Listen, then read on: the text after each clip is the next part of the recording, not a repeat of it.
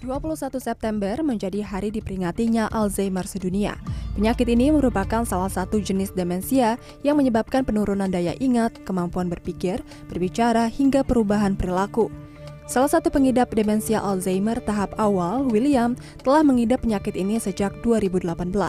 Ia sudah mulai mengalami penurunan daya ingat sejak 4 tahun lalu.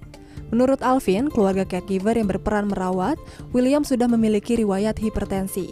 Sebagai langkah penanganan, pihak keluarga telah membantu mengatur obat-obatan, menjaga pola makan, membantu berolahraga ringan, dan terus mendampingi terutama kegiatan di luar rumah.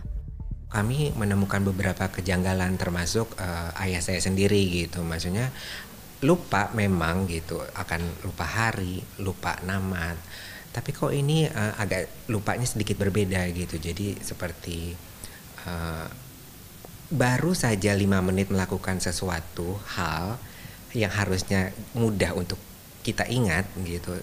Nah ayah saya itu tiba-tiba blank dan tidak ingat sama sekali ya kan? dalam kesehariannya, pria berusia 73 tahun ini masih berkegiatan ringan dan beristirahat di sela-sela kegiatan seperti tidur siang.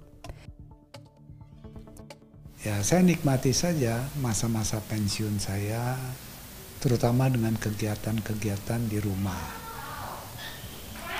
seperti saya tuh senang bertanam ya apa hobi tanaman Dokter spesialis saraf Hardi menjelaskan Alzheimer umumnya menyerang orang lanjut usia.